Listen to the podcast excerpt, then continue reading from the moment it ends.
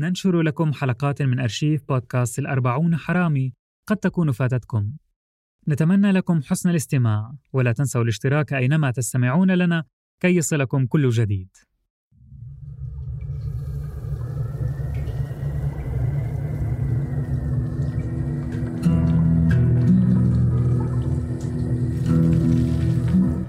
افتح يا سمسم. يا لقوة هذه الكلمات الثلاث. فبها حصلت على ألذ ما في الحياة. وبسببها لقيت حتفي أنا وزوجتي على أيادي الأربعين حرامي اسمي علي بابا. ولكن هذه ليست قصتي. هذه قصة ابنة شاد. وسعيها للثأر.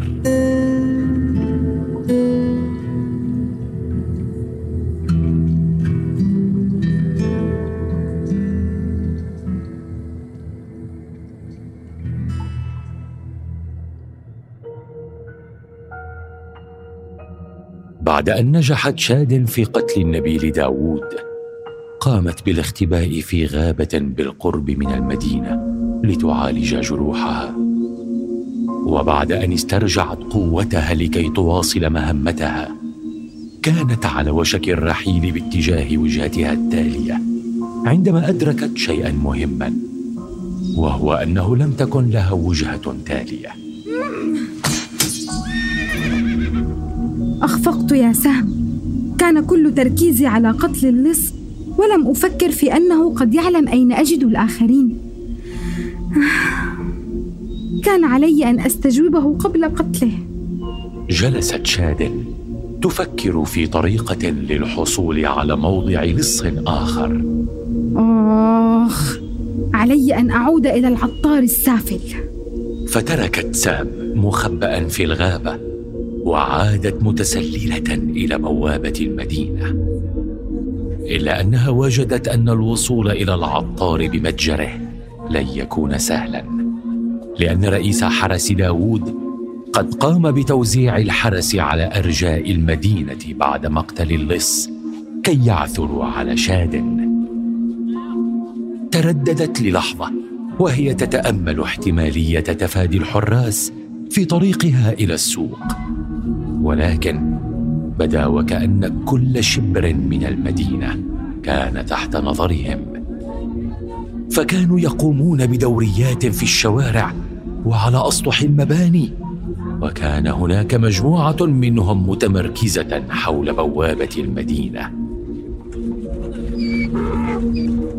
حينها انتبهت لاقتراب بائع من أطراف الجبل نحو البوابة بعربة محملة بالخضار والفواكه. فأخذت تناديه ليتوقف. أنت قف عندك من فضلك. لحقت شاد بالبائع. الذي لم يتوقف عند طلبها فالتفت حول عربته وارغمته على شد رسن حماره كي لا يصطدم بها ماذا تفعلين؟ سوف تدفعين سعر جميع الخضروات التي تسببت بإيقاعها لا بأس لا بأس هل أنت ذاهب للمدينة؟ أجل ماذا تريدين؟ أريدك فقط أن تخبئني في عربتك وتوصلني إلى محل داخل السوق لماذا؟ هل أنت في ورطة ما؟ أنا لا أبحث عن المشاكل. ليس هناك أي مشكلة. أعدك بأنه لن يصيبك أي مكروه. لم يبدو البائع مقتنعا. فأخرجت شاد سرة نقود ورمتها له فماذا تقول؟ فخبأها البائع داخل العربة وتوجه بها نحو المدينة المكتظة بالحرس. التي تراقب حركة المتجولين بالسوق ووصولا إلى السوق ومتجر العطار. خارجة لمحت اثنين من الحراس اللذين كانا يمران أمام المتجر. فهمست لصاحب العربة. هي هل لديك عباءة؟ لفت نفسها بالعباءة الداكنة التي أعطاها إياها العطار.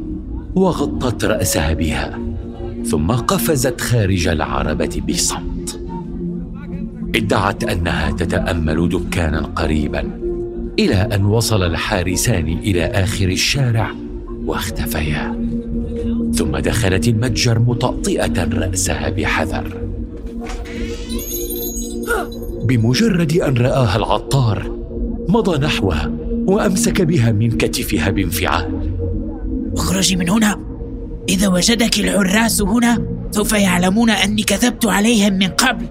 اهدأ. أحتاج إلى معلومات. وسأعوض أتعابك في مساعدتي بالطبع. ستعوضين أتعابي؟ ألا تفهمين؟ الحراس تبحث عنك في كل مكان. سيقتلوننا كلينا إذا وجدوك معي. لن أرحل دون معلومات. كلما أسرعت بمساعدتي تركتك في حالك بشكل أسرع.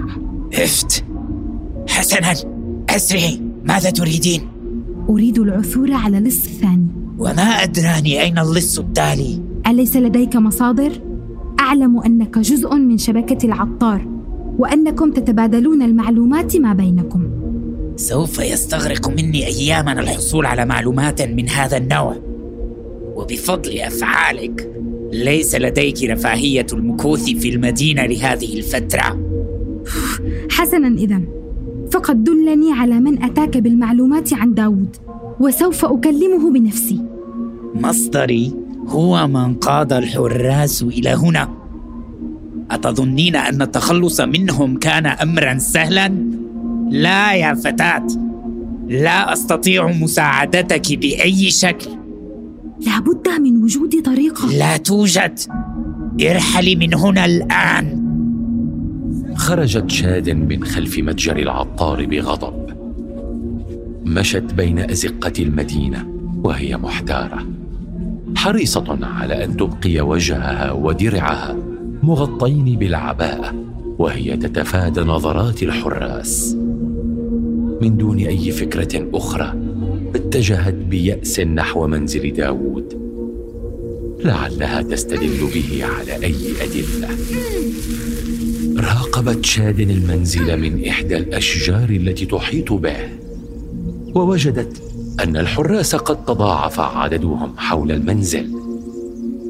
أخذت تقدم أظافرها بحيرة وهي تحدق بهم. فكري يا شاد فكري. كادت تفقد الأمل. إلى أن فتح باب المنزل ورأت غلاما يخرج وعلى رأسه صينية مخبوزات. جاء إليه حارسان وأحدهما يقول يا فتى أعطني إحدى المخبوزات. إني جائع هذه المخبوزات ليست لكم. الطباخ يحضر لكم الطعام بالداخل. لن تظن نفسك لتجادلني. قلت لك أعطني واحدة. قام الحارس بأخذ إحدى المخبوزات من الصينية ثم ابتعدا تاركينه على الأرض وهما يضحكان لمحت شاد نظره الاحتقار على وجه الغلام الذي بدأ بالتقاط المخبوزات ذليلا فتبعته نحو المخبز ثم أمسكت بالصينية من على رأسه فور مروره بالقرب منها من أين؟ رفع الغلام رأسه ليجد شاد تؤشر له بأن يخفض صوته من فوق سطح منخفض. اصعد إلى هنا لتسترد صينيتك. ولدي لك منفعة أخرى. استسلم الغلام للأمر وتسلق الجدار بخفة ثم وقف أمام شاد وهو يرتب ثيابه. ماذا تريدين؟ ستوقعينني بمشاكل. التهمت شاد إحدى المخبوزات وردت عليه وهي تأكل. منذ متى وأنت تعمل في ذلك المنزل؟ آخ والدي يطبخ لهم. إنه يرغمني على مساعدته بمهام المطبخ منذ أن أصبحت قادرا على المشي. هل تحب العمل هناك؟ رأيت ما فعل بك الحارسان. إنهم جميعهم متنمرون.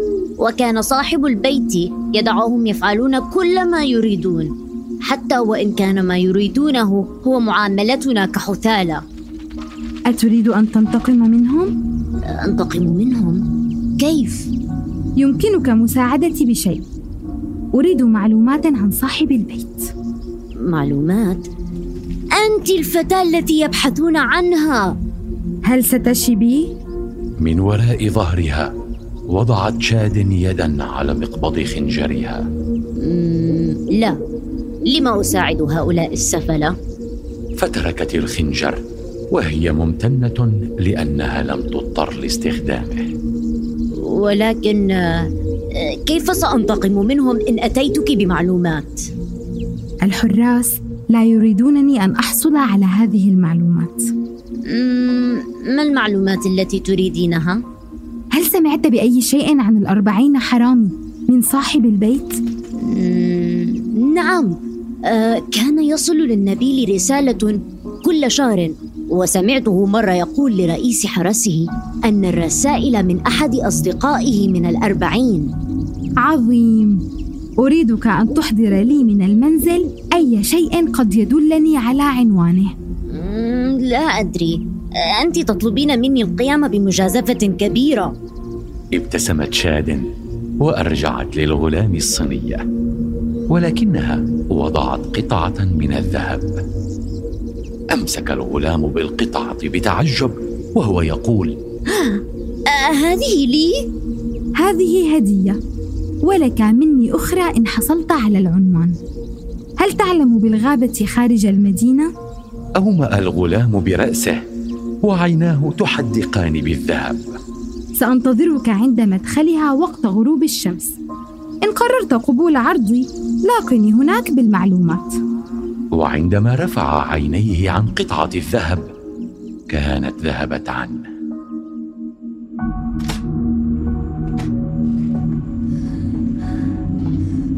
دخل الغلام مكتب اللص داوود وهو يتحرك ببطء وحذر.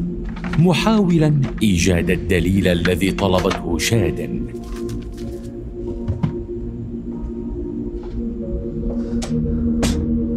إلا أن تسلله لم يبات دون ملاحظة.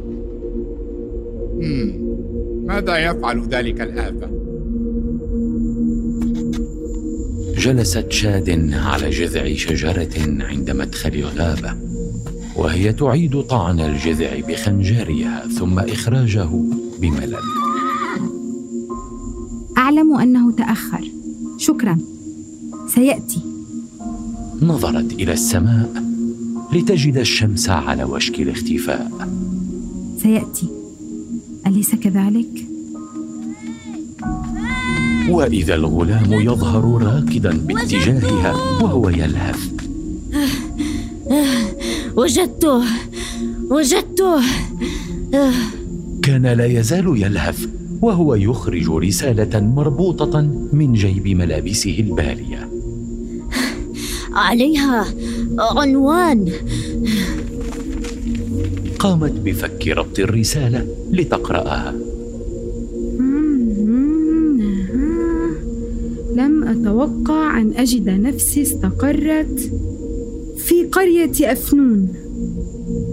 أحسنت. شك... شكرا. لم يكن عليك الركض يا فتى. ركضت لأنني لأنني خفت أن يكون هناك أحد يتبعني. كانت مخاوفك في محلها يا فتى. ظهر من الظلام الذي اجتاح المكان مع غروب الشمس ثلاثة حراس بابتسامات عريضة. بصرخة يختبئ الغلام وراء ظهر شاد بهلع. أرجوك لا تدعيهم يقتلونني. رأيتك تتسلل حول المنزل أيها الآفة. فأخبرت أصدقائي هنا وقررنا أن نتبعك لنرى ما الذي تفعله. ويا لحظنا قمت بقيادتنا إلى الفتاة المشؤومة نفسها. والآن يا فتاة قتلك سيضمن لنا مكافأة ضخمة. كان يجب عليك إخبار المزيد من أصدقائك. دفعت شاد الغلام نحو الغابة وأخرجت سيفها ثم ركضت نحو الحراس وهي تسدد ضربة عنيفة إلا أن الحارس ردها بسيفه. ركلت سيف الحارس الأول فسقط من يده. وأفقدت الثاني توازنه بسيفها ثم سحبت سكينا من درعها وطعنت به ساق الثالث.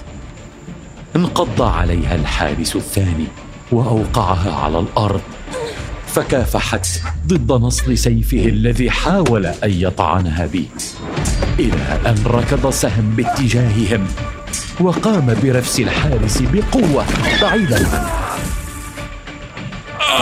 ايتها اللعينة. في حينها كان قد استعاد الحارس الأول سيفه وقفز باتجاه شاد وهو يلوح بالسيف بعنف. تدحرجت شاد على الأرض لاجتناب ضرباته المتكررة. وفجأة دفع الحارس من ظهره ووقع. تفاجأت شاد عندما رات الغلام وراءه. سأقطع عنقك يا فتى أخذ الحارس ينهض لمهاجمة الغلام ولكن شادا سددت ضربة إلى وجهه بكوعها ثم قامت بلي يديه وسحبت السيف منها وبطعنه واحدة. جلست شاد تلهث على الأرض. أنت أنت بخير؟ نعم. شكرا على المساعدة. شكرا لحمايتي. نهضت شاد ببطء وركبت على ظهر سام الذي كان بانتظارها. ثم أخرجت قطعة ذهب أخرى من سرج الفرس وأعطتها للغلام. عد إلى البيت وانسى جميع ما حدث الليلة. فهمت؟ انتظرت حتى أومأ الغلام برأسه والتفت ليعود إلى المدينة. يا فتى! اقتربت منه وأعطته شيئا آخر خنجرها. خذه. اعتد على استخدامه. تعلم أن تدافع عن نفسك إذا حاول أي أحد مضايقتك مجددا. وشدت على رسن سام لينطلقا بلا كلل إلى وجهتهما التالية. قرية أثمون.